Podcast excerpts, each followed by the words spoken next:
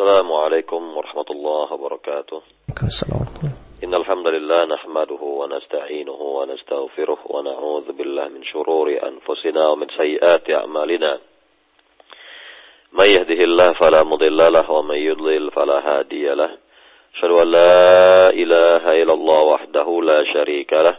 وأشهد أن محمدا عبده ورسوله. أما بعد فإن فإن فإن أصدق الحديث كتاب الله وخير الهدي هدي محمد صلى الله عليه وسلم وشر الأمور محدثاتها وكل محدثة بدعة وكل بدعة ضلالة وكل ضلالة في النار Para pendengar di Raja yang dimuliakan Allah Subhanahu wa taala, alhamdulillah kita bisa mendengarkan kembali kajian dari kitab Al-Aqidatu Awwan Law Kanu Ya'lamun.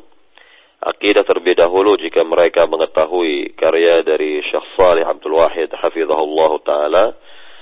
Pembahasan yang terakhir dari kitab Al-Aqidatu Awwan Law Kanu Ya'lamun adalah tentang permusuhan iblis permusuhan syaitan terhadap manusia. Nah ini sudah kita jelaskan bahwa iblis telah berjanji di hadapan Allah Subhanahu wa taala di mana dirinya telah dikeluarkan dan dilaknat oleh Allah dikeluarkan dari surga maka iblis berjanji di hadapan Allah untuk memusuhi manusia berusaha berupaya segenap uh, kemampuannya untuk menyimpangkan hamba-hamba Allah dari jalan yang lurus, maka ini adalah bentuk dari permusuhan yakni iblis kepada manusia dan tentunya sudah dimulai pada manusia pertama. Permusuhan ini sudah dimulai pada manusia pertama ketika Allah Subhanahu wa taala mencipta Adam alaihi salam. Maka iblis sudah menunjukkan permusuhannya kepada manusia dan berjanji untuk menyimpangkan manusia dari jalan yang benar.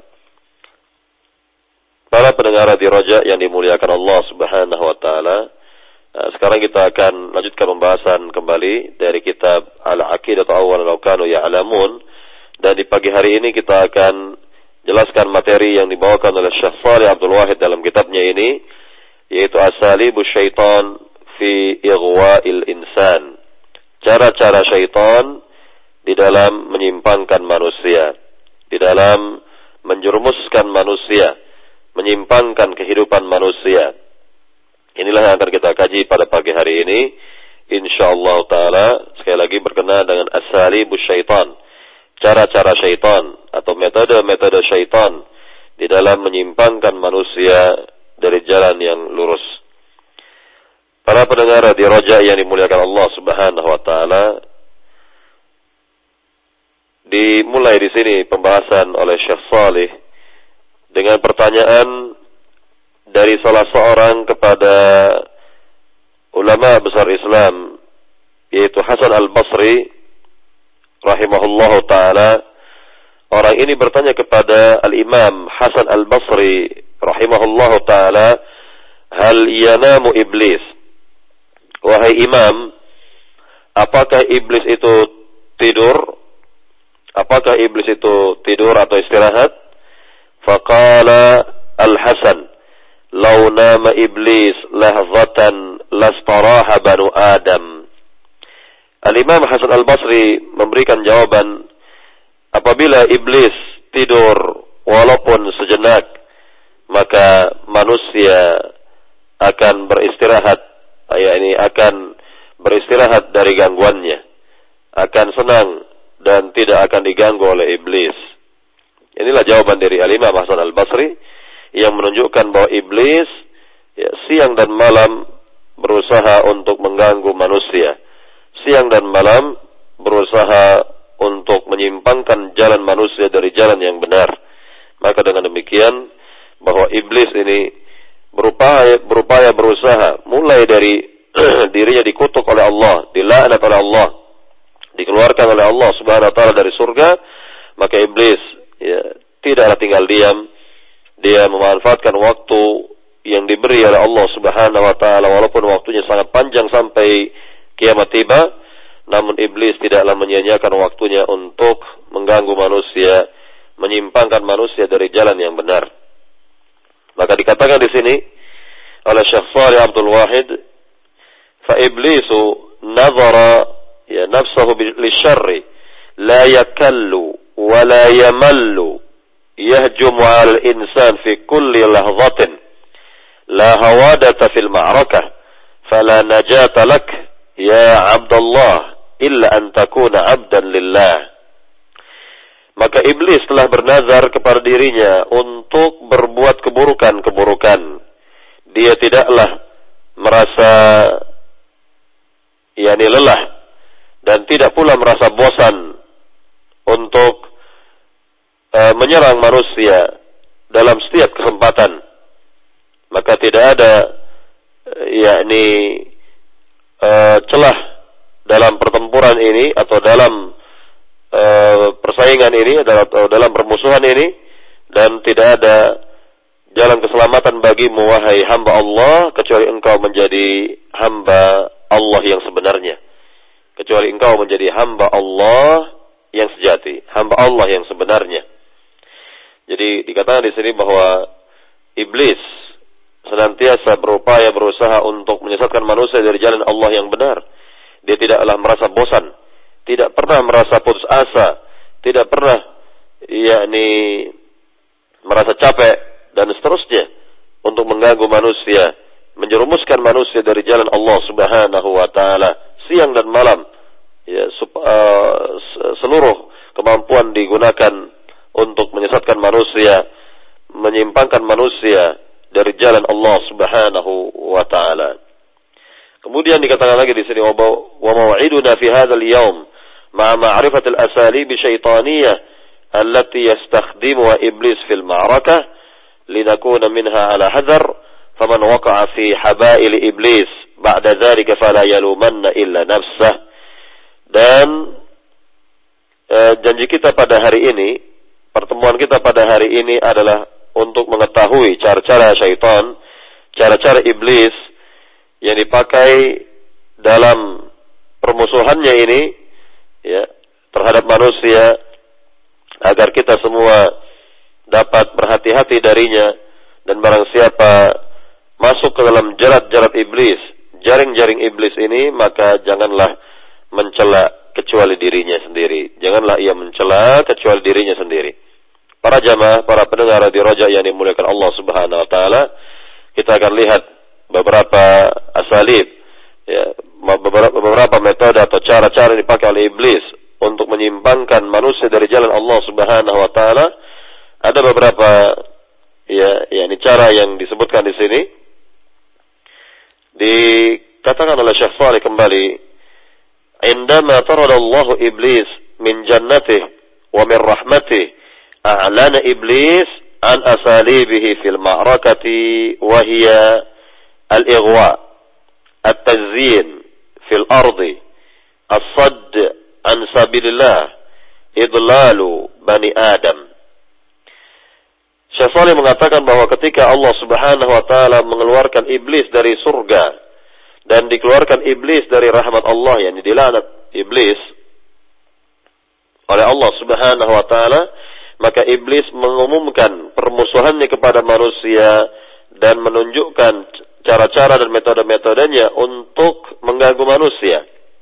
Metode yang pertama atau cara yang pertama adalah yang disebut dengan al-ighwa. Al-ighwa yaitu menyimpangkan jalan manusia. Ya, menyimpangkan jalan kehidupan manusia dari jalan yang benar. Kemudian metode yang kedua atau cara yang kedua adalah at-tazyin fil ardi, yakni membuat uh, indah uh, apa yang ada di permukaan bumi ya untuk menyimpangkan kehidupan manusia ya, membuat pand uh, membuat pandangan manusia itu melihat suatu yang tidak baik membuat suatu yang tidak benar yang jelek itu menjadi indah menjadi bagus menjadi baik.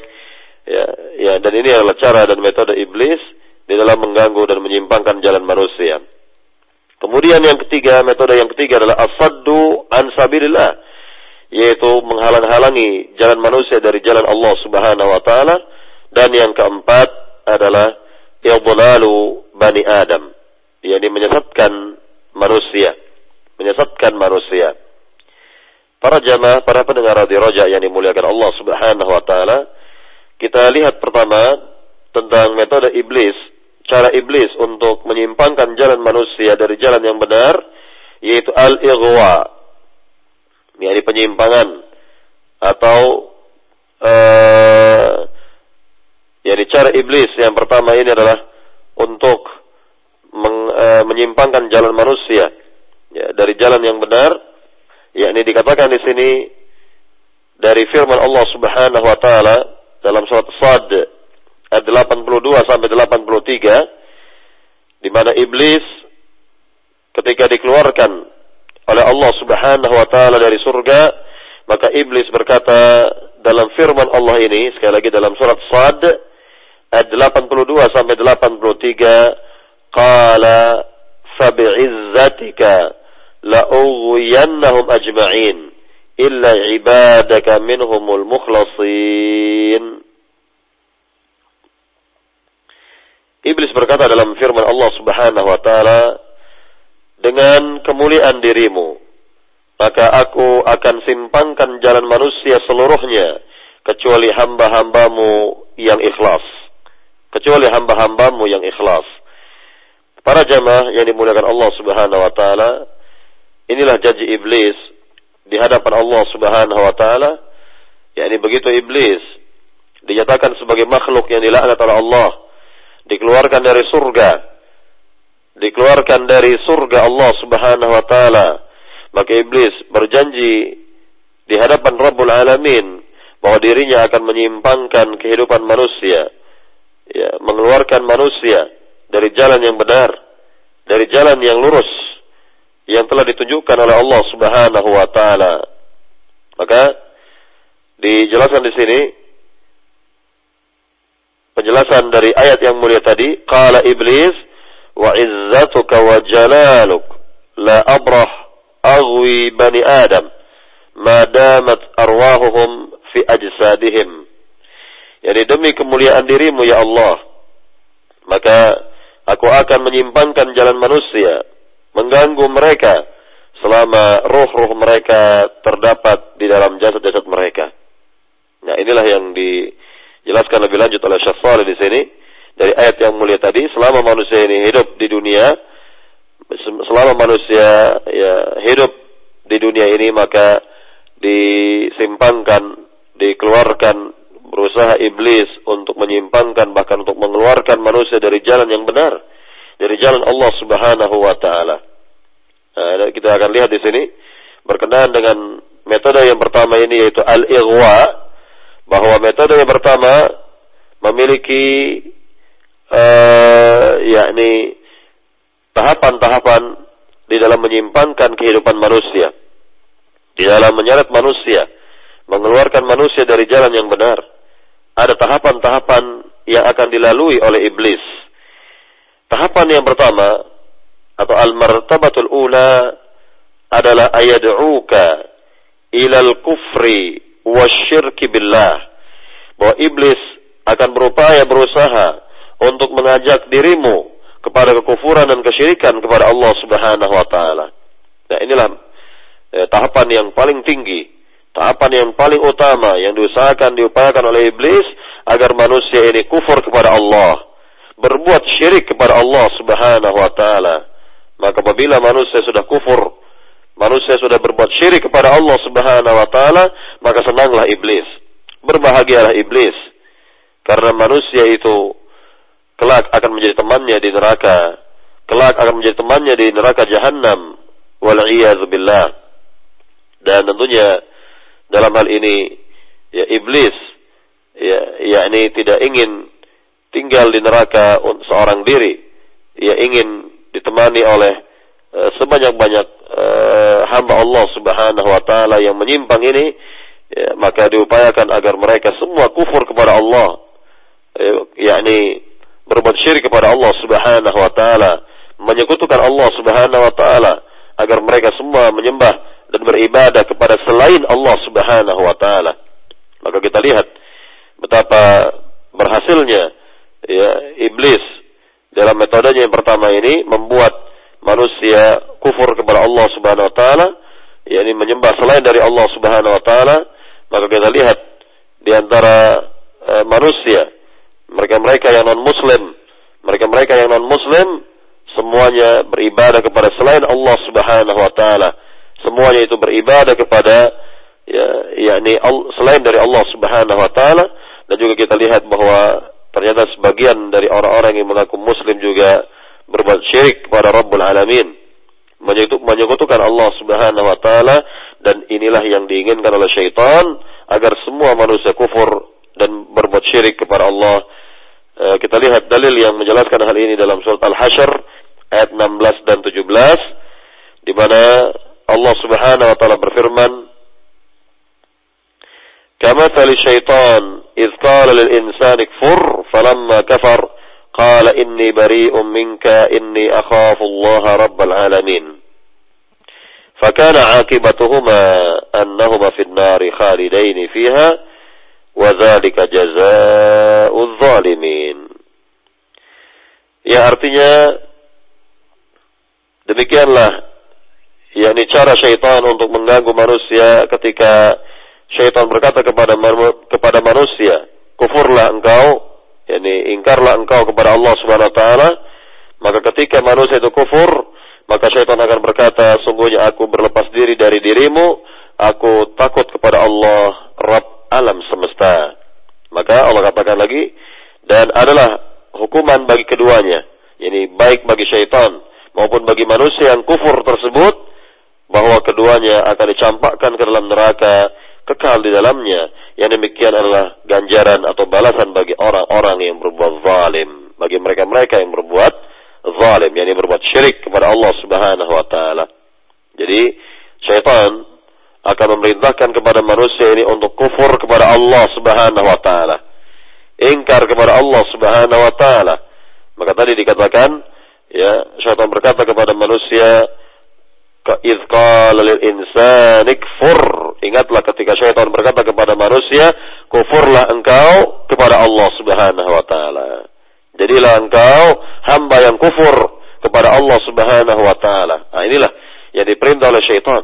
Yang diinginkan oleh syaitan agar manusia semuanya kufur ingkar kepada Allah Subhanahu wa taala dan ketika manusia itu mentaati syaitan untuk kufur kepada Allah, justru ya, syaitan berkata kebalikannya dalam ayat yang mulia ini syaitan berkata inni bari umminka sungguhnya aku berlepas diri darimu. Jadi syaitan ya berlepas diri dari perbuatan manusia ini ya dan uh, yakni uh, dampak dari perbuatan tersebut bahwa manusia yang ingkar kepada Allah tersebut manusia yang kufur kepada Allah dan sekaligus syaitan yang menyerumuskan manusia kedua-duanya akan dicampakkan ke dalam neraka jahanam dan neraka tersebut kekal ya, bagi mereka semuanya dan yang demikian adalah balasan bagi uh, mereka-mereka uh, yang berbuat zalim yakni mereka-mereka yang berbuat syirik kepada Allah Subhanahu wa taala. Kita lihat penjelasan uh, dari Syekh Shalih di sini. Beliau mengatakan setelah membawakan ayat yang tertera dalam surat Al-Hasyr ayat 16 dan 17 tadi, فإذا كفر الإنسان وأشرك وارتد عن دينه واستجاب لشيطان استراها إبليس واطمأن لأنه جند هذا الإنسان لأنه جند هذا الإنسان في حزبه وأصبح جندا من جنوده فمن الإنس شياطين ومن الجن شياطين فإذا لم يستطع الشيطان أن ayanqul al-insan ila al-kufri da'ahu ila al-martabati tsaniyah. Dikatakan oleh Syekh apabila manusia telah kufur kepada Allah, berbuat syirik kepada Allah dan murtad dari agamanya, yakni memenuhi apa yang diinginkan oleh syaitan, maka iblis menjadi tenang hatinya, tentram hatinya, bahagia iblis melihat manusia yang kufur kepada Allah, Bahagia hati iblis melihat manusia berbuat syirik kepada Allah Subhanahu wa taala, murtad dari agamanya, keluar dari agamanya. Ya.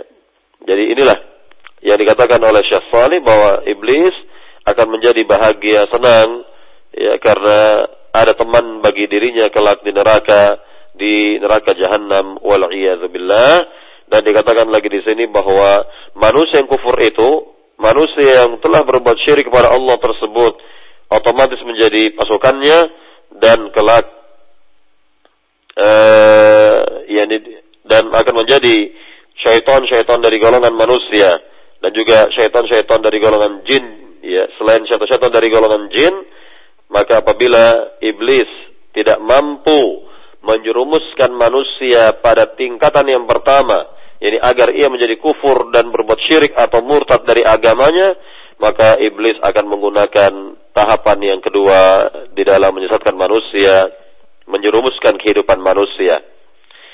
Para pendengar di raja yang dimuliakan Allah Subhanahu wa taala, inilah tahapan yang pertama sekali lagi yang paling tinggi yang diinginkan oleh iblis agar semua manusia ingkar, kufur, berbuat syirik, murtad dari agamanya. Apabila manusia sudah keluar dari agamanya menyembah selain dari Allah Subhanahu wa taala, inilah yang sangat-sangat diinginkan oleh iblis, yang sangat-sangat ya diharapkan oleh iblis. Dan tentunya mereka pasti akan dimasukkan ke dalam neraka apabila mati dalam keadaan demikian belum sempat bertaubat kepada Allah Subhanahu wa taala. Kemudian sekarang kita akan melihat apa tahapan yang kedua yang tentunya di bawah tahapan pertama. Dikatakan di sini al-martabatu tsaniyah al-ibtida'u fid din. Tahapan yang kedua adalah yakni iblis berupaya berusaha agar manusia ini berbuat bidah-bidah dalam agama. Jadi kalau seorang dikatakan masih berada dalam agama Islam, tidak berhasil iblis untuk membuatnya murtad dari agama Islam, tidak berhasil iblis ya, membuat si muslim ini berbuat syirik kepada Allah Subhanahu wa taala atau kufur dan murtad dari agamanya, maka iblis mengambil langkah berikutnya. Tidak disisakan waktunya, segera ia ambil langkah berikutnya, metode yang kedua atau tahapan yang kedua untuk menyerumuskan manusia dari jalan yang benar ini, mengeluarkan manusia dari jalan yang benar, yaitu diupayakan agar manusia itu berbuat bidah-bidah dalam agama Islam.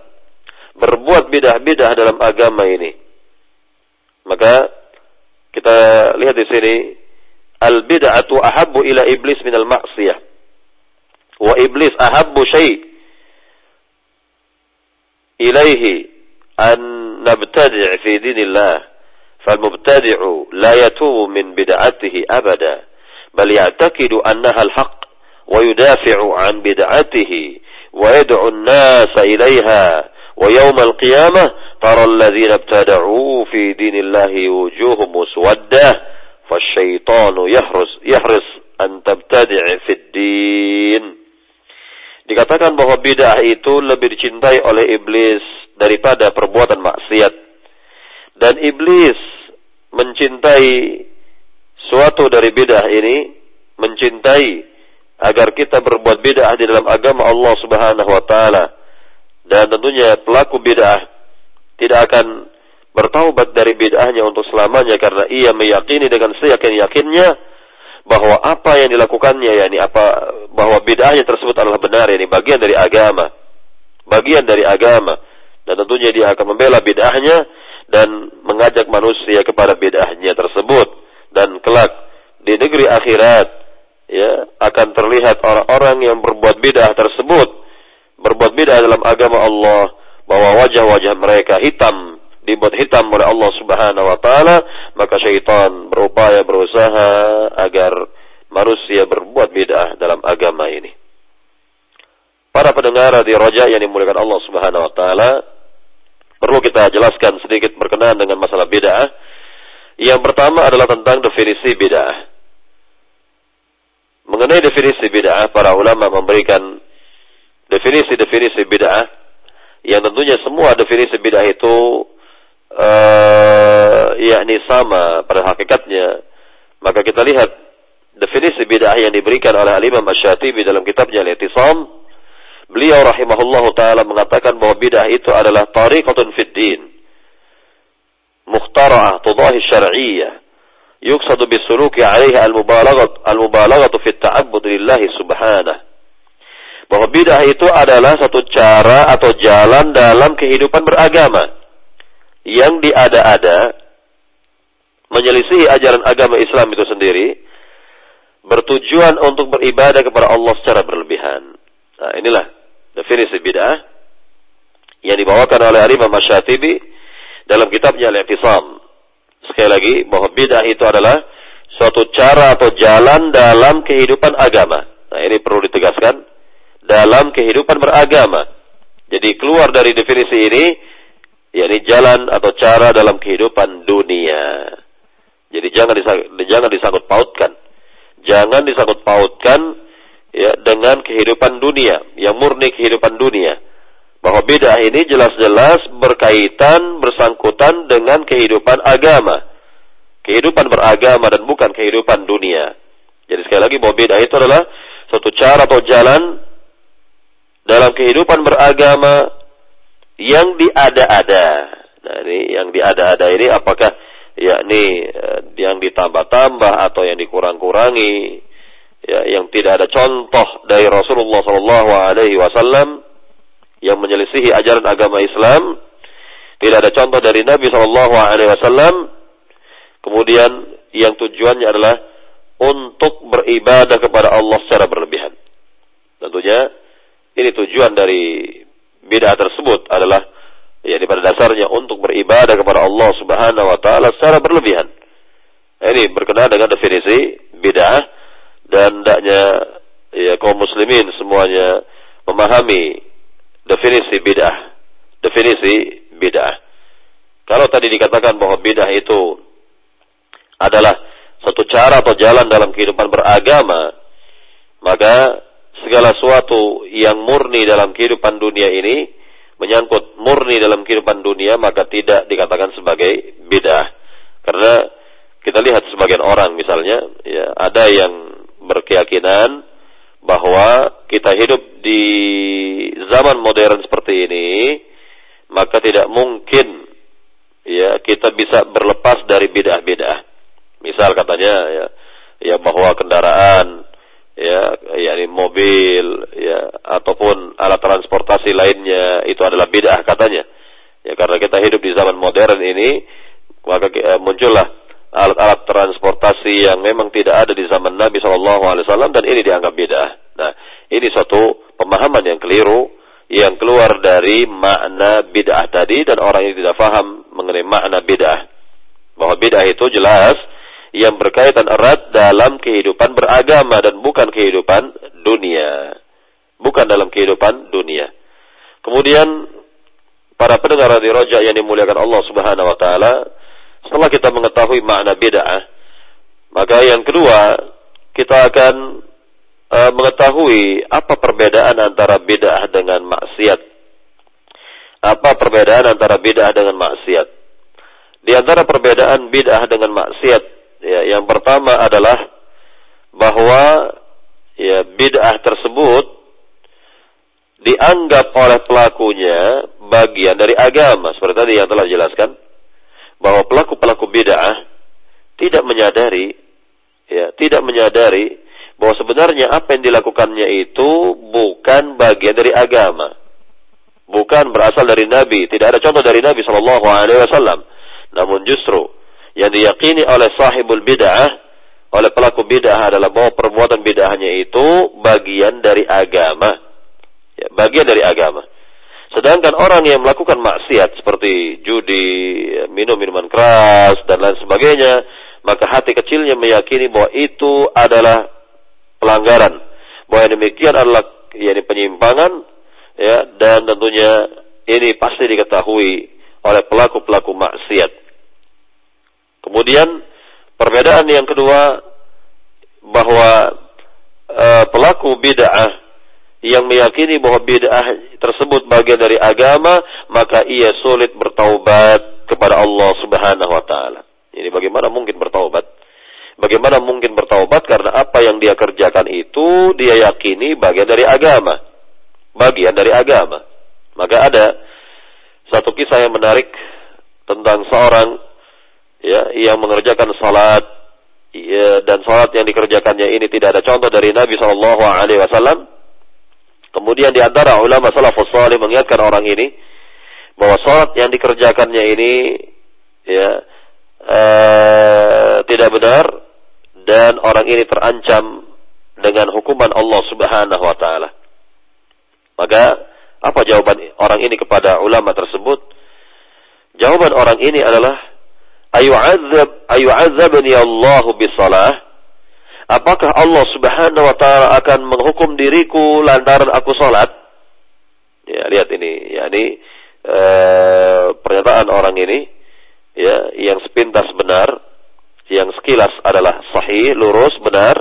Namun sebenarnya ya apa yang dia nyatakan itu tidaklah lurus jadi orang ini sekali lagi mengatakan kepada ulama tadi, apakah Allah Subhanahu wa taala akan mengazab diriku lantaran di, aku mengerjakan salat?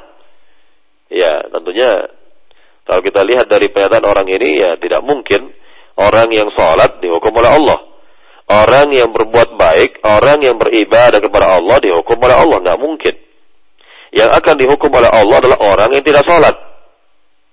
Yang akan dihukum oleh Allah SWT orang yang tidak yakni mengerjakan kewajiban-kewajiban agama. Nah, ini yang benar. Tetapi pernyataan orang ini dijelaskan oleh ulama tadi, ya, tidaklah demikian katanya. Tidaklah demikian. Jadi Allah Subhanahu wa taala tidak akan mengazab dirimu, tidak akan menghukum dirimu lantaran engkau mengerjakan ibadah salat. Namun Allah Subhanahu wa taala akan mengazab dirimu karena engkau menyelisihi sunnah Nabi sallallahu alaihi wasallam. Ya. Nah, ini dikatakan oleh si ulama tadi bahwa Allah akan mengazab dirimu itu lantaran engkau menyelisihi sunnah Nabi sallallahu alaihi wasallam. Jadi dalam beribadah ini perlu adanya contoh dari Nabi, perlu adanya contoh dari Rasul sallallahu alaihi wasallam. Jadi niat yang baik harus disertakan dengan contoh yang baik pula dari Nabi sallallahu alaihi wasallam. Jadi ini yang ya, perbedaan di bawah orang atau pelaku bidah itu ya sulit bertaubat kepada Allah SWT. Adapun pelaku maksiat tentunya sewaktu-waktu akan bertaubat kepada Allah karena hati kecilnya meyakini bahwa perbuatannya itu adalah tidak baik, tidak benar menurut pandangan agama. Kemudian para pendengar di Raja yang dimuliakan Allah Subhanahu wa taala eh, perba, yakni perbedaan lainnya antara bidah dengan maksiat ya bahwa bid'ah itu dapat merusak si pelaku orang lain ya bahkan merusak nama agama, mencoreng nama agama.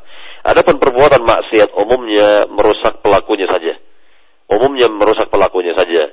Maka ya yakni orang yang berbuat bid'ah-bid'ah segala sesuatu yang tidak ada contoh dari agama Islam ini justru akan men, e, membuat citra buruk bagi si pelakunya ya, membuat citra buruk bagi orang-orang yang diajaknya dan bahkan memperburuk citra agama, membuat ya, agama ini buruk ya, citranya di hadapan manusia. Maka ini bisa kita lihat dari beda-beda yang dilakukan oleh sebagian umat Islam ya, di negeri ini misalnya, maka orang-orang di luar agama Islam memandang bahwa ajaran Islam itu sulit, bahwa ajaran Islam itu kok seperti ini, ajaran Islam uh, begini dan begitu dan seterusnya. Nah inilah kita lihat dan tentunya uh, ini akibat dari ulah-ulah mereka sendiri, perbuatan-perbuatan mereka sendiri jauh dari sunnah Nabi yang mulia Shallallahu Alaihi Wasallam.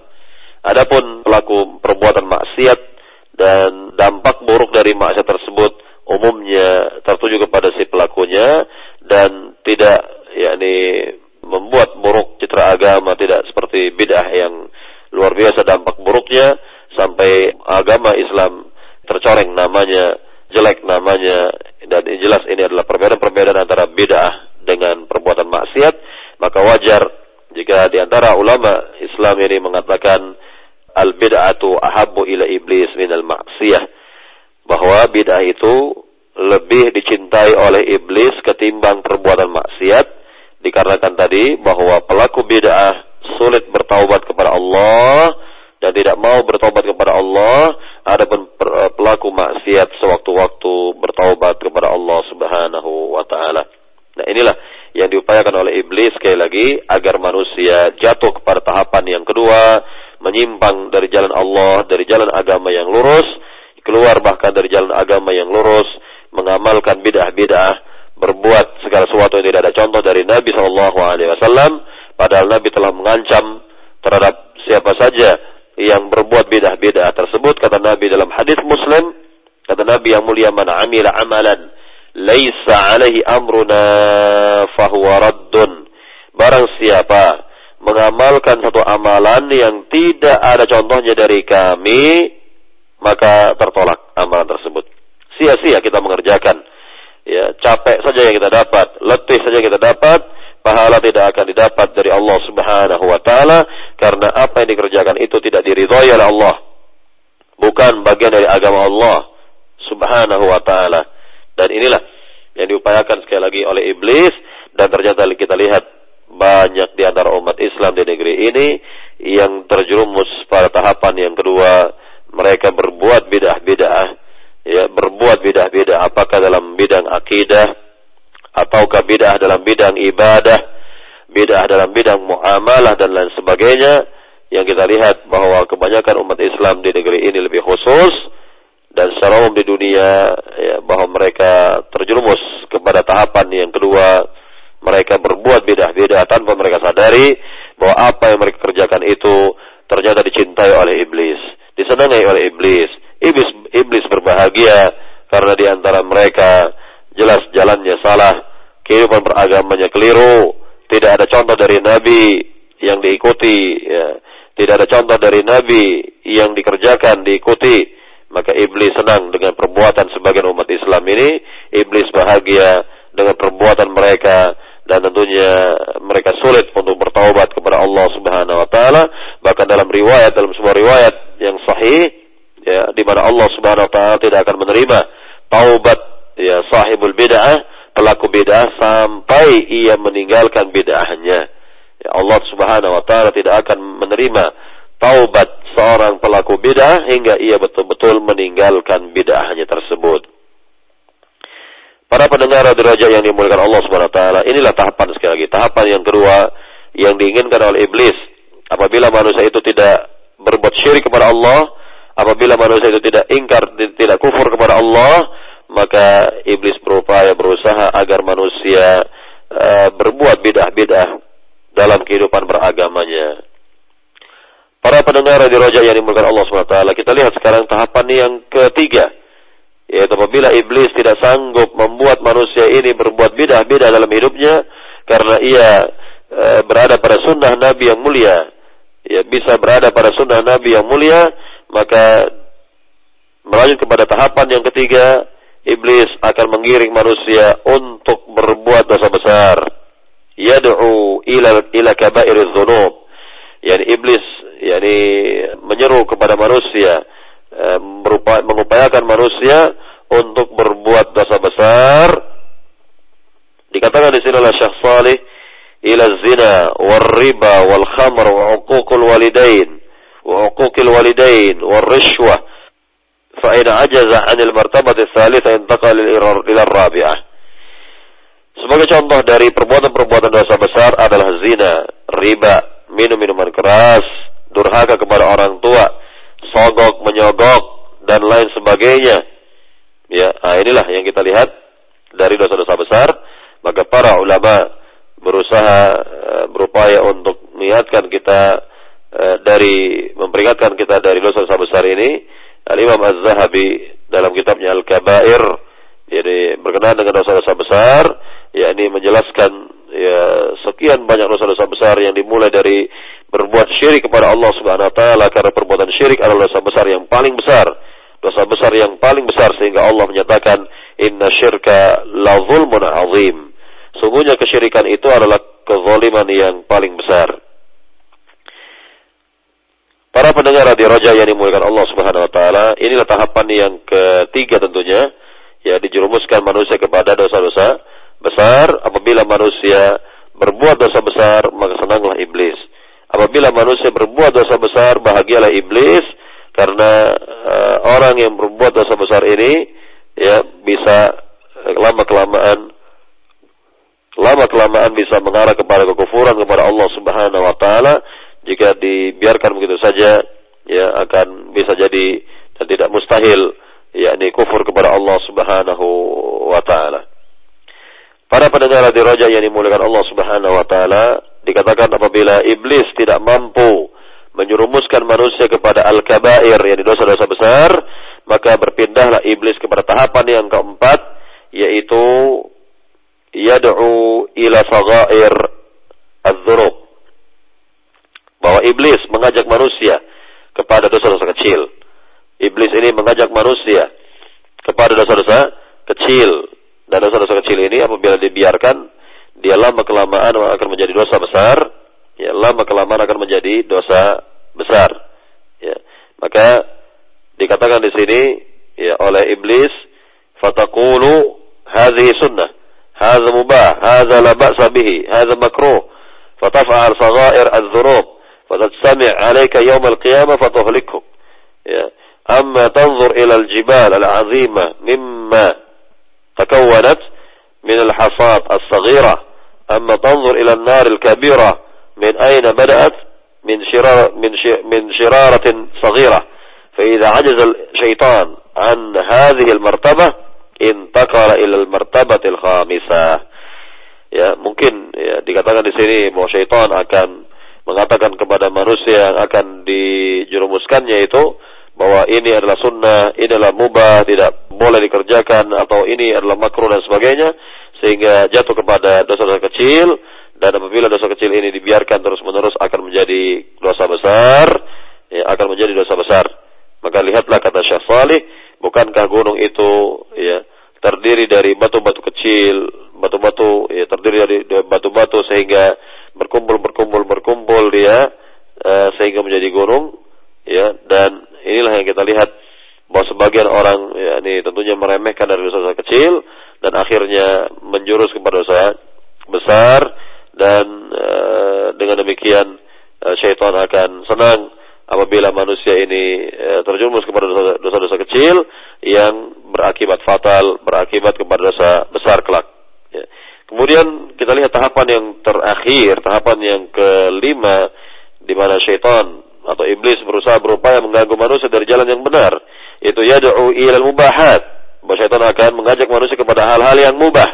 Hal-hal yang mubah, ya, dan tentunya akan melalaikan kewajiban-kewajiban yang dapat melalaikan kewajiban-kewajiban. Misal, di antara orang yakni mengerjakan perbuatan yang mubah.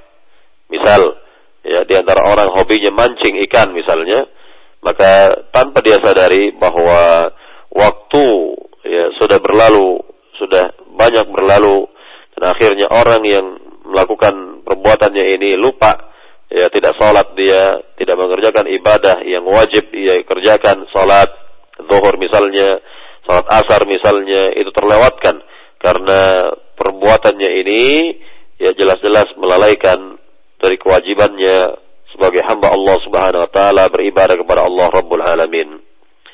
Para pendengar di Roja yang dimulakan Allah Subhanahu wa taala, inilah tahapan-tahapan atau lima tahapan yang e, semuanya ini termasuk dari ighwa'u syaitan atau ighwa'u iblis. Jadi penyimpangan iblis ya, disimpangkan hamba Allah, hamba Allah Subhanahu wa taala dari jalan yang benar mulai dari kekufuran atau kesyirikan, kemudian bidah-bidah dalam agama, kemudian ya dipanggil manusia, diseru manusia untuk berbuat al-kabair dosa besar, kemudian kepada as-saghair, kepada dosa-dosa kecil, dan yang terakhir disibukkan dengan hal-hal yang mubah, disibukkan manusia dengan hal-hal yang yang mubah. Para pendengar di rojak yang dimuliakan Allah Subhanahu wa taala, kita lihat sekarang metode iblis yang kedua. Setelah al-ighwa, metode iblis yang kedua di sini adalah at-tazyinu fil ardi. Yaitu bahwa syaitan menghiasi kehidupan dunia. Bahwa syaitan menghiasi kehidupan dunia. Ya, pada pandangan manusia, pada pandangan manusia ini, bahwa dunia ini luar biasa indahnya, luar biasa bagusnya, dan seterusnya demikian. Dan ini adalah yakni cara-cara iblis untuk menyesatkan kehidupan manusia yaitu tazyinu at-tazyinu fil ardi jadi menghiasi kehidupan dunia sehingga terlihat oleh mata manusia ya baik dan lain sebagainya tertipu manusia ini ya, dari kehidupan uh, dunia. Maka dikatakan oleh syaitan di sini ya yakni dalam firman Allah Subhanahu wa taala dalam firman Allah Subhanahu wa taala uh, yakni dalam surat Al-Hijr ayat 39 dalam surat Al-Hijr ayat 39 Allah berfirman yakni mengenai perkataan syaitan qala rabbi bima aghwaytani la uzayyinanna lahum fil ardi wa la ughwiyannahum ajma'in. Syaitan berkata dalam firman Allah Rabbi wahai Tuhanku ya dengan sebab engkau yakni menghinakan diriku seperti ini maka aku akan hiasi mereka akan hiasi kehidup akan hiasi dunia ini ya di hadapan manusia di mana manusia akan memandang segala sesuatu dalam uh, kehidupan dunia ini menjadi baik. Padahal semuanya itu ya dapat menyerumuskan manusia dari jalan yang benar menyesatkan manusia dari jalan yang benar. Nah kemudian uh, kita lihat lagi dalam ayat yang lain dalam surat An-Nahl ayat 63 mengenai janji iblis ini dalam firman Allah Subhanahu wa taala ya tallahi laqad arsalna ila ummamin min qablika fazayyana lahum asyaitanu a'malahum fahuwa waliyuhum al-yawm wa lahum 'adzabun alim wa lahum 'adzabun alim dikatakan dalam surat Al-Hasyr eh, dalam surat An-Nahl maaf dalam surat An-Nahl ayat 63 ya di mana Allah Subhanahu wa taala berfirman Ya artinya tallahi laqad arsalna ila ummi min qablika. Demi Allah, telah kami utus kepada umat-umat sebelummu, ya. Kemudian ya syaitan menghiasi kehidupan mereka, menghiasi perbuatan-perbuatan mereka itu, maka fahuwa waliyuhumul yawma walahum azabun alim. Maka syaitan menjadi penolong bagi mereka pada hari ini dan bagi mereka azab yang pedih. Dan bagi mereka adalah azab yang pedih. Jadi dari firman Allah yang mulia ini kita lihat bahwa usaha iblis, usaha syaitan di dalam menyesatkan kehidupan manusia ini luar biasa. Menjadikan kehidupan manusia ini indah di hadapan mata manusia. Indah di hadapan mata manusia. Maka dikatakan selanjutnya oleh Syekh Salih di sini, "Wa min tazyin syaitan lil insani fil ardi annahu zayyana li bani Adam ad-dunya وزخرفها أمامهم فانكبوا عليها وانشغلوا بجمعها وهرولوا إليها فمن أجل الدنيا يسافرون ومن أجلها يجتمعون ومن أجلها يعطون ويمنعون ويتعلمون وظنوا أنه فيها سيخلدون ونسوا أنهم إلى الله راجعون ونسوا annahum ila Allah raji'un. Ya, dikatakan bahwa uh, syaitan ya menghiasi kehidupan dunia pada pandangan mata manusia. Ya, menghiasi apa yang ada di hadapan mereka itu dihiasi oleh syaitan bahwa itu bagus, ini bagus dan sebagainya. Ya, sehingga mereka tersibuk dengan kehidupan dunia ini mengumpulkan ya, dunia ini dan menuju kepadanya maka kita lihat kata beliau bahwa yakni ada di antara manusia gara-gara kehidupan dunia ini mereka mengadakan safar. Ya, safar ke sini, safar ke sana untuk mengejar kehidupan dunia ini. Dan untuk ya kehidupan dunia ini mereka berkumpul, mengadakan perkumpulan-perkumpulan dan lain sebagainya. Dan karena dunia ini mereka memberi atau mereka menahan dan mereka belajar dan mereka mengira bahwa kehidupan dunia ini dapat mengagalkan kehidupan mereka namun mereka lupa bahwa sungguhnya mereka kelak semuanya akan dikembalikan kepada Allah Subhanahu wa taala. Nah, inilah kita lihat tentang usaha-usaha syaitan, usaha-usaha iblis untuk mengganggu, menjerumuskan manusia dari jalan yang benar, yakni menghiasi kehidupan dunia sehingga dipandang baik, dipandang bagus oleh mata manusia ini dan mereka terjerumus ke dalamnya. Maka kita lihat tentang kehidupan dunia eh, dari firman Allah Subhanahu wa taala dalam surah Al-Hadid dalam surah Al-Hadid ayat 20 Allah nyatakan, "I'lamu annama al-hayatud dunya la'ibu wa lahu wa zinatu wa tafakhurun bainakum wa takathurun wa takathurun fil amwali wal aulad."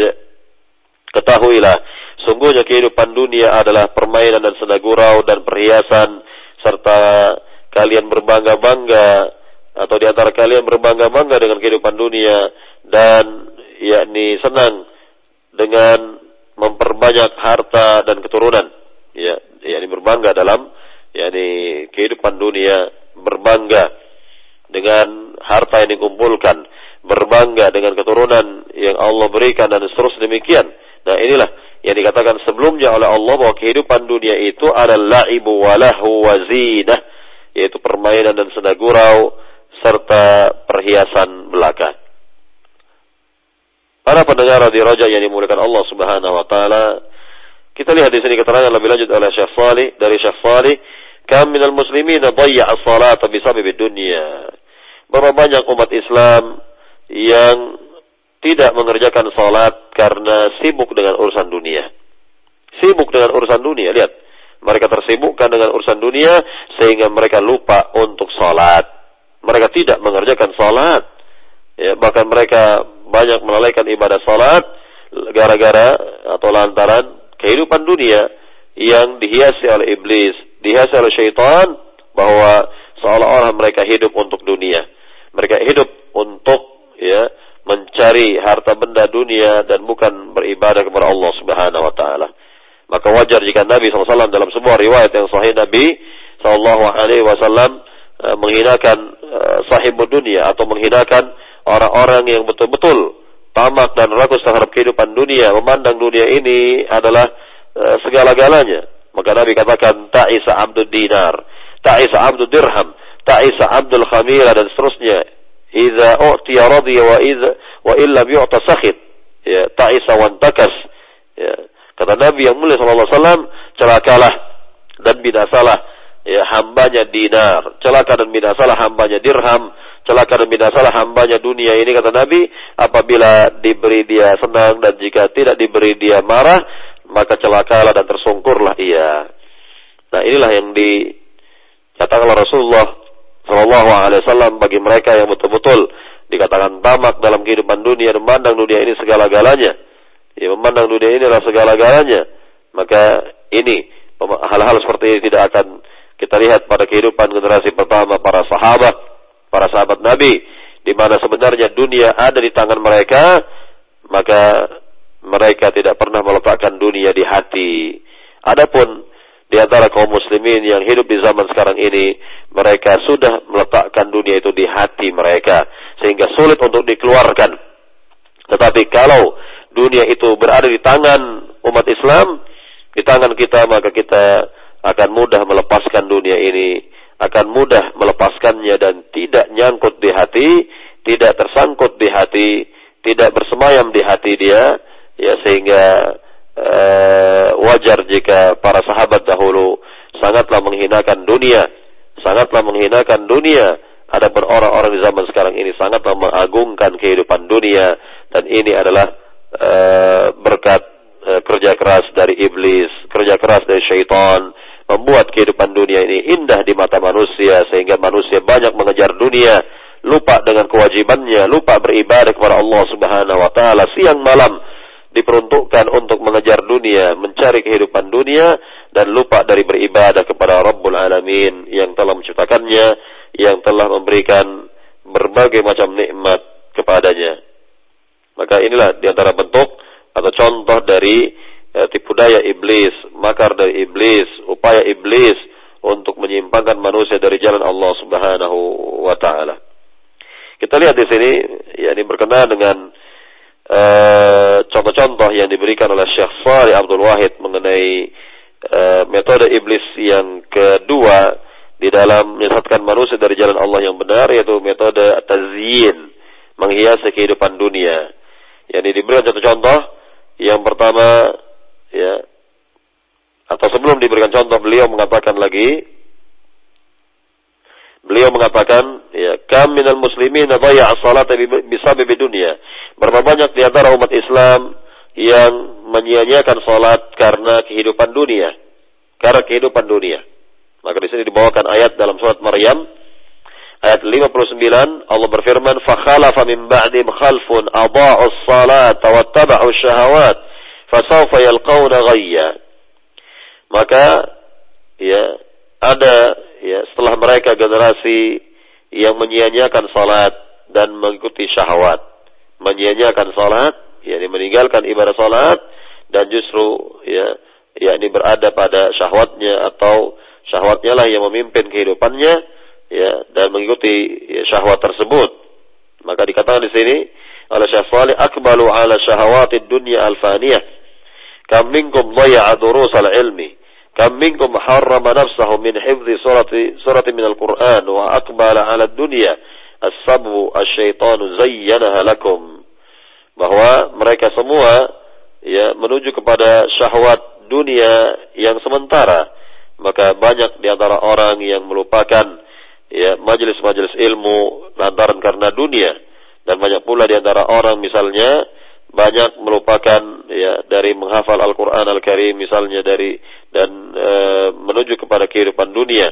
Atau e, yang lain yang lainnya contoh-contoh yang lainnya. Maka ini semua adalah ya ini tipu daya iblis atau syaitan yang menghiasi kehidupan kalian kata Syekh Saleh di sini.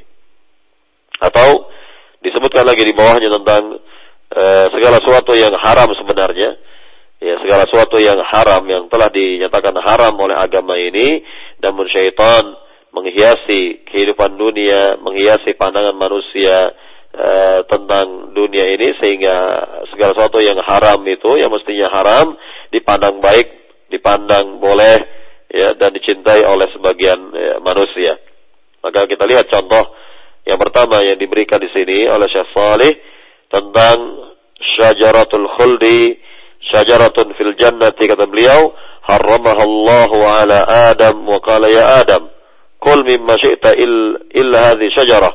Faja'a iblis yuwaswis, qala ya Adam, kul min hadhihi syajarah allati haramaha Allah alayka li lituhlik ya la ya Adam ya kul min hadhihi syajarah dikatakan tentang pohon ya, keabadian ya. Ini uh, yang istilah yang dipakai oleh iblis tentunya yaitu pohon keabadian yang pada dasarnya bukan pohon keabadian tetapi pohon kebinasaan. Maka pohon kebinasaan tersebut atau pohon yang telah yang telah dilarang oleh Allah Subhanahu wa taala ya kepada Adam alaihissalam dan Hawa agar mereka semua tidak makan buah dari pohon tersebut, maka syaitan menghiasi Adam alaihissalam menghiasi ya pohon tersebut menjadi baik pada pandangan Adam alaihissalam dan syaitan menyatakan bahwa pohon tersebut sebagai pohon keabadian.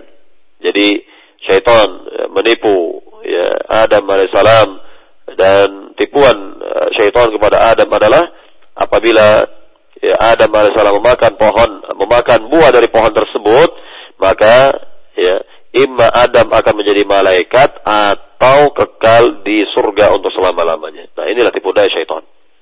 Ini adalah bagian dari tipu daya iblis sehingga keduanya ya mentaati apa yang uh, dikatakan oleh iblis dan akhirnya mereka makan buah dari pohon larangan tersebut sehingga Allah Subhanahu wa taala yakni uh, menghukum keduanya sampai mengeluarkan keduanya dari surga dan mereka semua ditempatkan di dunia ya dan tentunya inilah uh, awal mula dari uh, permusuhan iblis kepada manusia di dunia ya di dunia kemudian para pendengar di Raja yang dimulakan Allah Subhanahu wa taala kita lihat di sini sekali lagi tentang tazin ya e, iblis dunia bahwa iblis menghiasi kehidupan dunia kepada Adam e, maka dikatakan sekali lagi e, tentang pohon tersebut yakni dengan istilah pohon keabadian dan juga iblis mengaku diri sebagai an-nasihul amin ya hamba yang memberikan nasihat lagi terpercaya dan lain sebagainya. Nah ini semua adalah tipu daya tipu daya iblis kepada Adam alaihissalam manusia pertama sehingga manusia pertama ini terjerumus ya dan masuk dalam perangkat iblis terjerat dalam perangkat iblis dan akhirnya mereka semua dikeluarkan oleh Allah Subhanahu wa taala dari surga ya menuju dunia ini. Kemudian kita lihat contoh yang berikutnya lagi berkenaan dengan e, riswah. Contoh yang kedua adalah riswah yakni riswah, sogok, menyogok, maka dikatakan ya oleh Syekh Salih di sini, fahiya haramun. La'ana Rasulullah ar-rashi wal murtashi, fasyaitanu hatta ya yuki an-nas fi rishwa sammaha abil hadiyah. Sammaha bil hadiyah. bahwa sogok menyogok ini adalah diharamkan oleh agama dan Rasulullah SAW melaknat pelakunya. Ini orang yang menyogok dan pihak yang disogok, sedangkan syaitan ya menghiasi kehidupan manusia di dunia ini dan syaitan ya berupaya mengubah ma, uh, mengubah uh, nama sogokan itu menjadi hadiah. Ya, menjadi hadiah bil hadiah. Ya, nah inilah yang kita lihat bahwa syaitan telah menghiasi kehidupan manusia, menghiasi dunia ini dan kita lihat banyak di antara orang mengadakan ya pekerjaan seperti ini atau mengadakan perbuatan yang diharamkan oleh Allah yaitu riswah, sogok menyogok dan mereka nyatakan bahwa ini adalah bagian dari hadiah, bahwa ini adalah hadiah dan bukan sogokan atau bukan riswah. Ya, pada dasarnya demikian ya demikian itu adalah riswah atau sogokan dan bukanlah hadiah ya pada hakikatnya bukanlah hadiah. Dan masih banyak lagi ya berkenaan dengan contoh-contoh yang dibawakan oleh Syekh Salih di sini ya seperti minuman keras yang dipandang oleh sebagian orang bahwa minuman keras adalah minuman ya Islami katanya ya minuman uh, rohani katanya. Dan inilah nama yang dibuat-buat oleh sebagian orang ya dan uh, tentunya menyimpangkan manusia dari jalan yang benar. Dan ini bagian dari tazyin syaitan ya lil insan. Yakni upaya syaitan untuk menghiasi kehidupan dunia. Ya menghiasi kehidupan dunia agar mereka lari ya, agar mereka menyimpang dari jalan yang benar. Para pendengar di raja yang dimulakan Allah Subhanahu taala inilah uh, metode yang kedua yang dipakai oleh iblis untuk menyimpangkan kehidupan manusia dan tentunya untuk kajian di pagi hari ini kita cukupkan pada dua metode ini dan kita akan lanjutkan dengan dua metode lainnya kelak ya di waktu yang akan datang pada pekan depan insyaallah taala dan silakan jika ada pertanyaan kami kembalikan kepada pembawa acara di studio tafadhol. Nah, sekarang jazakallahu khairan. Fiik kepada Ustaz yang sudah memberikan pembahasan. Insya Allah bermanfaat bagi kita semua. Dan demikian ya Fataliman Himani warahmatullah pendengar radio jadi mana pun Anda berada. Pembahasan dari al-aqidatu awalan laukanu ya'lamun. Akidah terlebih dahulu jika mereka mengetahui disampaikan oleh Ustaz Arman Amri Alsi Hafizullah dan telah kita simak bersama itu cara-cara syaitan atau iblis dalam menyesatkan seorang hamba. Dan selanjutnya kami buka sesi tanya jawab bagi Anda yang ingin bertanya langsung di line telepon 0218236543. Dan kami harapkan tentunya pertanyaan disesuaikan dengan pembahasan kita di kesempatan pagi hari ini. Ya, halo. Assalamualaikum warahmatullahi wabarakatuh. Waalaikumsalam warahmatullahi wabarakatuh. Dengan siapa di mana? Dari Santi di Depok. Silakan Ibu Santi. Dulu saya pakai baju uh, busana muslim itu kurang syar'i. Kemudian sedikit demi sedikit saya mulai memperbaiki diri. Nah sekarang pertanyaan saya kira-kira kalau saya memberikan baju-baju itu kepada orang lain itu apakah tidak tidak apa-apa Pak Ustadz? Apa itu malah tidak boleh karena kita membuat orang lain juga uh, berpakaian tidak syar'i gitu. Nah. Syukron. Assalamualaikum warahmatullahi wabarakatuh. Waalaikumsalam warahmatullahi wabarakatuh. Iya, dalam hal berpakaian dalam hal ini yakni iblis atau syaitan berupaya berusaha agar manusia yang beriman, hamba-hamba yang beriman yakni jauh dari pakaian-pakaian yang syar'i, jauh dari pakaian-pakaian yang dibenarkan oleh Allah Subhanahu wa taala.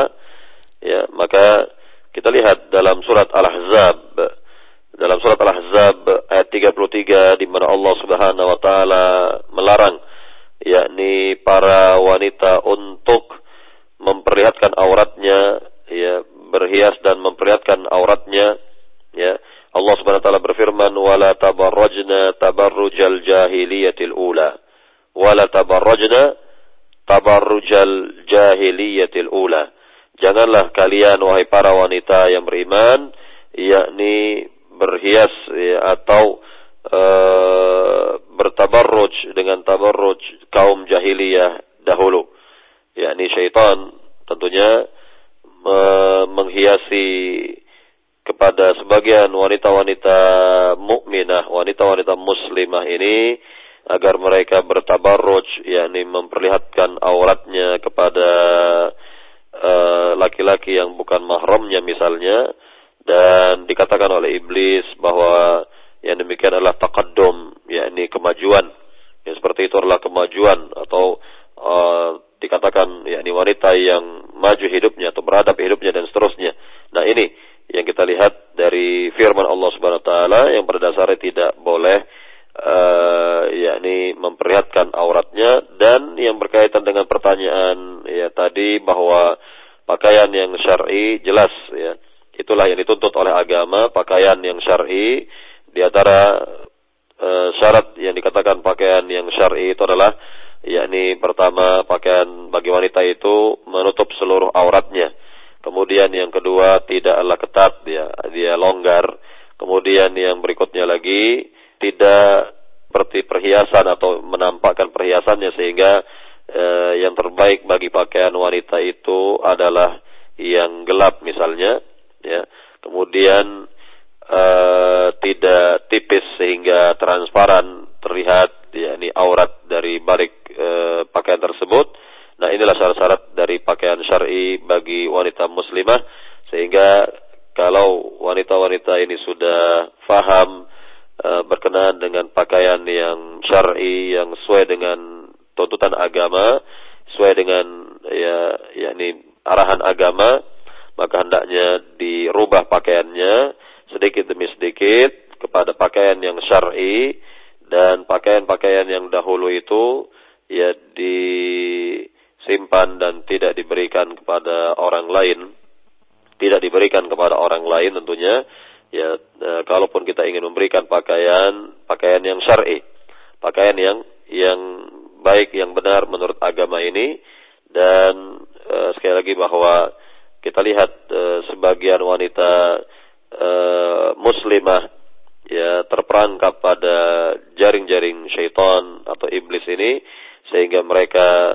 berupaya berusaha untuk menampakkan yakni kecantikannya dengan pakaian-pakaian yang dibuat-buat oleh mereka ini ya sehingga membuat uh, terfitnah laki-laki yang melihatnya ya terbuai uh, laki-laki yang melihatnya. Dan inilah yang kita lihat dari kenyataan yang ada di zaman sekarang ini dan ini bagian dari tazyin syaitan ya lil insan yaitu membuat manusia ini eh, apa namanya yakni melihat kehidupan dunia ini indah ya membuat kehidupan dunia ini ya, baik dan seterusnya demikian dan eh, kita mengajak semua kepada wanita-wanita muslimah agar berada pada pakaian-pakaian muslimahnya, pakaian-pakaian yang syar'i yang dibenarkan oleh agama dan tidak ya mengadakan tabarruj atau berdandan ala jahiliyah itu dan tidak pula memakai pakaian yang uh, tidak uh, syar'i. Hendaknya mengarah kepada pakaian yang dibenarkan oleh agama ini. Wallahu taala alam. Nah, silakan. Sekarang jazak khair atas jawabannya. Dan demikian untuk Ibu Santi yang berada di Depok. Dan selanjutnya uh, satu pertanyaan di pesan singkat. Ya ada uh, pertanyaan dari Abu Hilman di Ciledug. Assalamualaikum warahmatullahi wabarakatuh. Ya Ustadz, di Telaga Haud kelak yaitu ada umat Nabi Muhammad Shallallahu Alaihi Wasallam yang ditolak oleh Allah. Karena uh, yang katanya di hari tersebut engkau Muhammad tidak mengetahui apa yang mereka lakukan sepeninggalmu. Apakah hal tersebut dikarenakan suatu bid'ah yang dilakukan oleh uh, umat Nabi Muhammad? Apakah mereka masuk neraka Ustadz? Mohon penjelasannya.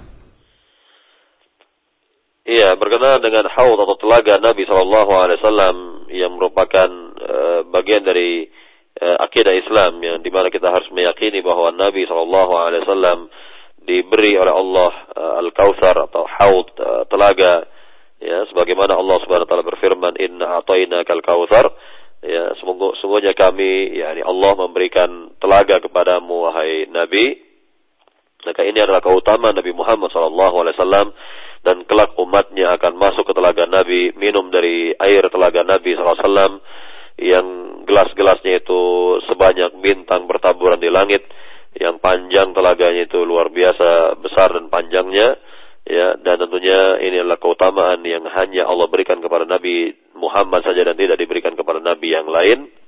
Dan kelak ya akan ada orang-orang yang Eh, ditolak oleh Allah Subhanahu wa taala, tidak bisa minum dari telaga Nabi sallallahu alaihi wasallam, tidak bisa menuju telaga Nabi sallallahu alaihi wasallam tentunya yakni mereka-mereka yang uh, jauh kehidupannya dari sunnah Nabi yang mulia sallallahu alaihi wasallam menyimpang dari sunnah Nabi yang mulia sallallahu alaihi wasallam. Jadi uh, Allah Subhanahu wa taala akan berikan keutamaan kepada mereka-mereka yang berupaya berusaha berada pada sunnah nabinya yang mulia sallallahu alaihi wasallam dan kelak akan uh, mendatangi telaga Nabi wasallam dan semoga Allah Subhanahu wa taala ya memudahkan kita kelak ya dimasukkan ke dalam surga dan berada pada telaga Nabi Shallallahu Alaihi Wasallam minum dari air telaga Nabi Shallallahu Alaihi Wasallam. Allah Taala. Baik. Selanjutnya kami beralih kembali di line telepon. Silahkan bagi Anda yang ingin bertanya langsung kepada Ustaz di 021 823 6543. Halo. Halo, Assalamualaikum. Waalaikumsalam warahmatullahi wabarakatuh. Dengan siapa di mana? Umur Rashid di Bogor. Silakan Umur Rashid. Assalamualaikum Ustaz. Saya mau tanya, keluarga saya ada yang terkena gangguan jin. Uh, kalau sholat atau ibadah, itu gangguannya meningkat. Tapi beliau berusaha melawannya. Terus saya mau tanya, kalau ikut ke majelis ilmu itu, kan gangguannya juga semakin apa? Semakin meningkat. Uh, itu kalau ikut majelis ilmu dengan sungguh-sungguh karena Allah, apakah bisa juga menghilangkan gangguan sihir ya Ustaz ya? Jazakallah khair. Assalamualaikum. Waalaikumsalam warahmatullahi wabarakatuh. Iya, diterangkan oleh Syekh Fuad dalam kitab Al-Aqidah Awal Al-Aqwan Ya'lamun ini mengenai orang yang uh, kemasukan jin ya bahwa orang tersebut uh, diminta untuk bertaubat kepada Allah, banyak-banyak beristighfar kepada Allah Subhanahu wa taala. Ini yang pertama, langkah yang pertama adalah diminta untuk bertaubat dan banyak-banyak beristighfar kepada Allah Subhanahu wa taala. Kemudian yang kedua adalah uh, hendaknya dia bertawakal kepada Allah sabar menghadapi cobaan ini dan bertawakal kepada Allah, berserah diri kepada Allah Subhanahu wa taala, sabar dalam menghadapi cobaan ya seperti ini. Kemudian yang ketiga adalah uh, jika ia mampu dan sadar dalam hal ini membaca ayat Al-Qur'an, membaca ayat Al-Qur'an Al-Karim dan terus membaca ayat Al-Qur'an Al-Karim, terlebih terlebih lagi adalah Al-Baqarah, surat Al-Baqarah yang dia baca ya kemudian zikir-zikir yang dapat memberikan kebaikan bagi dirinya zikir pagi dan sore dan seterusnya dari Nabi saw kemudian juga uh, yang terpenting juga dia harus belajar agama dengan baik terutama akidah Islam dengan baik. Ya belajar akidah dengan baik maka ini semua akan membantu dirinya ya uh, akan membantu dirinya dan mudah-mudahan Allah berikan kesembuhan pada diri orang ini ya dan juga tentunya selain di ruqyah atau dijampi oleh keluarganya, oleh anggota keluarganya. Jadi anggota keluarganya lah yang bertanggung jawab dalam hal ini, berupaya berusaha untuk menjampiknya, meruqyahnya semampu mungkin dan terus ya dijampi orang ini, diruqyah orang ini dengan ruqyah yang syar'i dengan membacakan ayat-ayat Al-Quran untuknya, dibacakan terus menerus ayat Al-Quran untuknya dan kita yakin kepada Allah Subhanahu wa taala, kita minta kesembuhan kepada Allah Subhanahu wa taala agar disembuhkan dari penyakit seperti ini dan mudah-mudahan ini bermanfaat dan kita juga mendoakan agar uh, yang mendapatkan uh, musibah seperti ini ujian dari Allah seperti ini diberi kesabaran oleh Allah dan semoga cepat disembuhkan oleh Allah Subhanahu wa taala. Wallahu taala alam. Nah, baik, terima kasih banyak atas jawabannya Ustaz. Dan selanjutnya kami kembali di pesan singkat. Ya ada pertanyaan Ustadz apakah dosa berbuat bid'ah itu lebih besar dari dosa berbuat maksiat? Dan bagaimana jika seseorang yang hidupnya sering melakukan bid'ah dalam agama dan itu pun dilakukan karena ketidaktahuannya sampai dia meninggal? Apakah dosanya terampuni karena dia tidak sempat untuk mempelajari yang sunnah dan tidak sempat untuk bertaubat? Baik jadi eh, tadi dikatakan bahwa bid'ah itu lebih besar dosanya ketimbang atau daripada maksiat karena iblis lebih cinta kepada bid'ah daripada maksiat. Dikarenakan pelaku bid'ah itu sulit bertaubat kepada Allah dikarenakan ya dia meyakini bahwa apa yang dikerjakan dari bid'ahnya itu bagian dari agama, bagian dari agama. Sedangkan pelaku maksiat sewaktu-waktu dapat bertaubat kepada Allah karena hati kecilnya meyakini bahwa perbuatan maksiatnya itu tidak benar perbuatannya itu menyimpang dari agama dan sewaktu-waktu bertobat kepada Allah Subhanahu wa taala. Jadi sudah pasti bahwa bid'ah itu lebih besar dosanya, lebih berat dosanya daripada maksiat, ya, daripada perbuatan maksiat. Ya. E, kemudian apa yang kedua tadi? Ya, bagaimana dengan seseorang yang melakukan bid'ah? Oh, orang yang melakukan bid'ah karena keawamannya, karena ketidaktahuannya, mudah-mudahan Allah maafkan orang seperti ini. Mudah-mudahan Allah ampuni dosa-dosanya. Mudah-mudahan Allah beri uh, uh, ampunan kepadanya ya karena pada dasarnya yang melakukan kesalahan, yang melakukan perbuatan bid'ah itu uh, dengan sebab kebodohannya, ketidaktahuannya dan ini adalah uzur di hadapan Allah Subhanahu wa taala dan tentunya ya uh, wajib bagi setiap muslim dan muslimah untuk belajar agama agar ia keluar dari kebodohan dirinya karena manusia lahir ke dunia ini dalam keadaan jahil dalam keadaan tidak tahu apa-apa. Sebagaimana Allah Subhanahu wa taala berfirman dalam ayat yang mulia wallahu akhrajakum min butuni ummahatikum la ta'lamuna syai'a. Allah lah yang telah mengeluarkan kalian dari perut-perut ibu-ibu kalian dalam keadaan tidak tahu apa-apa tidak tidak mengerti apa-apa maka harus belajar dan terus belajar lebih-lebih masalah akidah masalah sunnah Nabi yang mulia Sallallahu Alaihi Wasallam dan wajib mengetahui bid'ah-bid'ah perkara-perkara yang tidak ada contoh dari Nabi Sallallahu Alaihi Wasallam agar tidak melakukan bid'ah dalam hidup ini, tidak terjerumus kepada bid'ah dalam hidup ini, dan tentunya agar agama kita bersih dari bid'ah-bid'ah, agar agama kita ini murni dan bersih dari penyimpangan-penyimpangan seperti itu, dan kita hidup ya berada pada naungan sunnah Nabi yang mulia Sallallahu Alaihi Wasallam. Nah. Baik, terima kasih banyak atas jawabannya Ustaz. Dan selanjutnya kami beralih kembali di line telepon di 0218236543. Halo. Assalamualaikum warahmatullahi Waalaikumsalam warahmatullahi wabarakatuh. Dengan siapa di mana? Dengan Umair di Tanjung Ening. Silakan Umair. Bagaimana cara menghilangkan waswas ketika sholat Ustaz? Karena sering kali waktu takbiratul ihram itu sampai berulang-ulang karena sepertinya merasa selalu kurang khusyuk gitu. Terus yang kedua, bagaimana caranya agar kita mudah mengikuti manhaj salaf ini? Karena sering kali kalau ada orang yang mencela kita atau kurang senang, kita tuh seperti kurang percaya diri dan menjadi ragu dengan manhaj ini, Ustaz. Nah. Jazakallahu khairan. Wassalamualaikum warahmatullahi wabarakatuh. Waalaikumsalam warahmatullahi wabarakatuh. Iya, yang pertama mengenai orang yang diganggu oleh syaitan orang yang diganggu oleh syaitan dalam salatnya ya seperti tadi contohnya ya ini takbiratul ihramnya berkali-kali takbiratul ihramnya berulang-ulang ya takbiratul ihramnya berkali-kali dan berulang-ulang maka ini bagian dari gangguan syaitan bagian dari gangguan syaitan kepada orang tersebut dan ya dalam hal ini dia uh, belajar agama dengan baik. Ya, kembali belajar agama dengan baik, kembali belajar agama dengan baik dan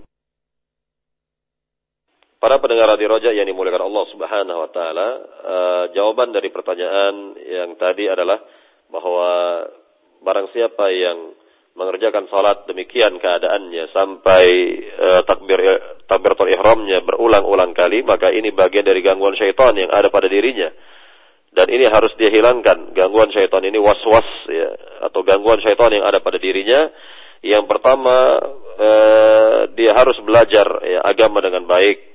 Berusaha belajar agama dengan baik dari si akidah dia dalami ibadah ya sesuai dengan contoh Nabi eh, dan seterusnya demikian kemudian yang kedua ya yakni dia harus yakini bahwa apa yang dikerjakannya dahulu itu bagian dari gangguan syaitan. Maka dia harus kerjakan sesuai dengan contoh Nabi Shallallahu Alaihi Wasallam. Ya takbir takbiratul ihramnya hanya sekali dan tidak berulang-ulang kali. Ya tidak berulang-ulang kali. Ya kemudian uh, kalau dia landasi sholatnya tersebut dengan sunnah Nabi yang mulia Shallallahu Alaihi Wasallam, maka ada keyakinan yang mantap di hati. Karena sunnah Nabi itu membuat hati kita ini yakin, membuat hati kita ini mantap dalam beragama, membuat hati kita ini bahagia dalam beragama. Jadi dengan demikian secara otomatis akan hilang uh, yakni keraguan-raguan yang ada di hati, waswas syaitan yang ada di hati akan akan hilang dan tentunya uh, salat kita akan baik, mulai dari takbir sampai salam tidak lagi diganggu oleh syaitan. Kemudian kalau seorang di tengah sholatnya misal merasa diganggu oleh syaitan, maka Nabi SAW memberikan solusi dalam hadis yang sahih. Nabi terangkan bahwa kita yakni hendaknya mengucapkan kalimat ta'awudz, a'udzu billahi minasyaitonir rajim dan kita meludah tipis tiga kali ke sebelah kiri. Ya, watful an yasarika salasan kata Nabi. Yani meludah tipislah tiga kali ke sebelah kiri dan meludah tipis di sini yang dimaksud adalah yakni yang dominan keluar adalah udara dan bukan ludah. Yang dominan keluar adalah udara dan bukan ludah. Jadi setelah kita berta'awudz, kita ucapkan a'udzu billahi minasyaitonir rajim, maka kita meludah tipis tiga kali ke sebelah kiri.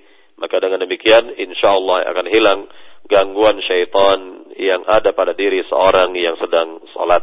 Nah ini solusi dari Nabi Sallallahu Alaihi Wasallam. Ya, jadi sekali lagi selain ya ini wajib belajar agama dengan baik. Ini akidah harus diperdalam. Karena akidah ini ya e, jika benar jika lurus jika kuat maka syaitan juga yakni e, tidak akan yakni mengganggu atau tidak mau mengganggu orang yang akidahnya kuat. Orang yang akidahnya benar yang lurus. Kemudian yang kedua tadi yakni kita landasi ibadah ibadah kita dengan sunnah Nabi dengan ilmu dengan sunnah Nabi yang mulia wasallam sehingga ada ketenangan di hati untuk mengerjakan agama ini. Ada kemantapan di hati untuk mengerjakan agama ini. Dan seterusnya demikian. Nah, inilah yang perlu kita uh, fahami di sini.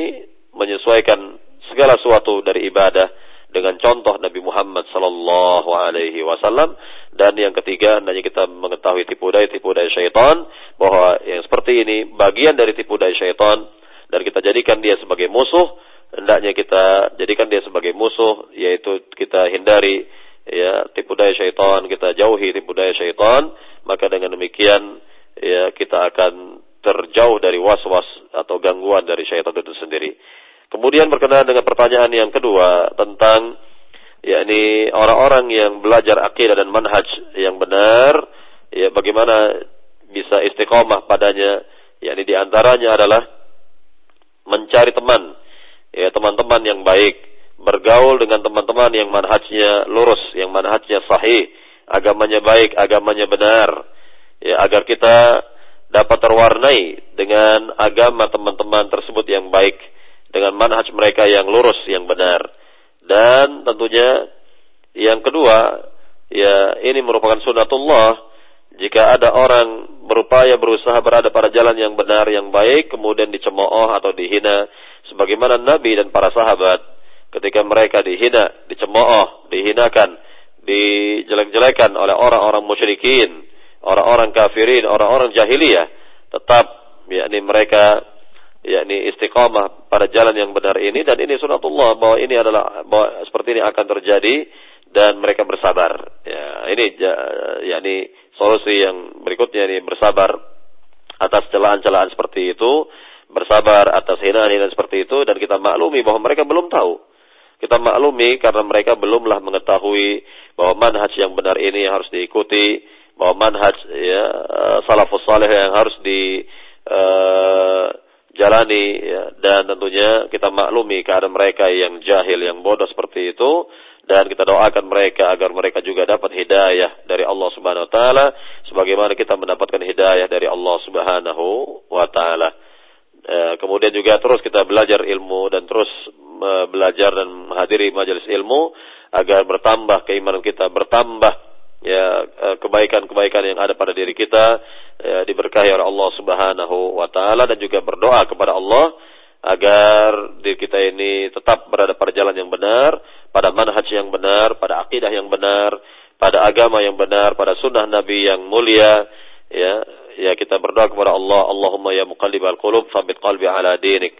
Wahai zat yang dapat membolak-balikan hati, tetapkanlah hatiku pada agamamu, ya, pada ketaatan kepadamu. Nah, inilah doa yang bisa kita panjatkan kepada Allah SWT agar kita tetap dapat istiqomah di jalannya, tetap berada pada uh, akidah yang benar, tetap berada pada uh, sunnah Nabi yang benar dan tidak terbawa oleh gangguan syaitan, baik syaitan dari golongan jin maupun syaitan dari golongan manusia. Barangkali inilah yang dapat saya sampaikan pada pembahasan pagi hari ini. Mudah-mudahan apa yang disampaikan ini bermanfaat bagi kita semua dan lebih kurangnya saya mohon maaf. Wallahu taala alam wa Muhammad walhamdulillah rabbil alamin. Subhanakallahumma bihamdika asyhadu an la ilaha illa anta astaghfiruka wa atubu ilaik. Assalamualaikum warahmatullahi wabarakatuh.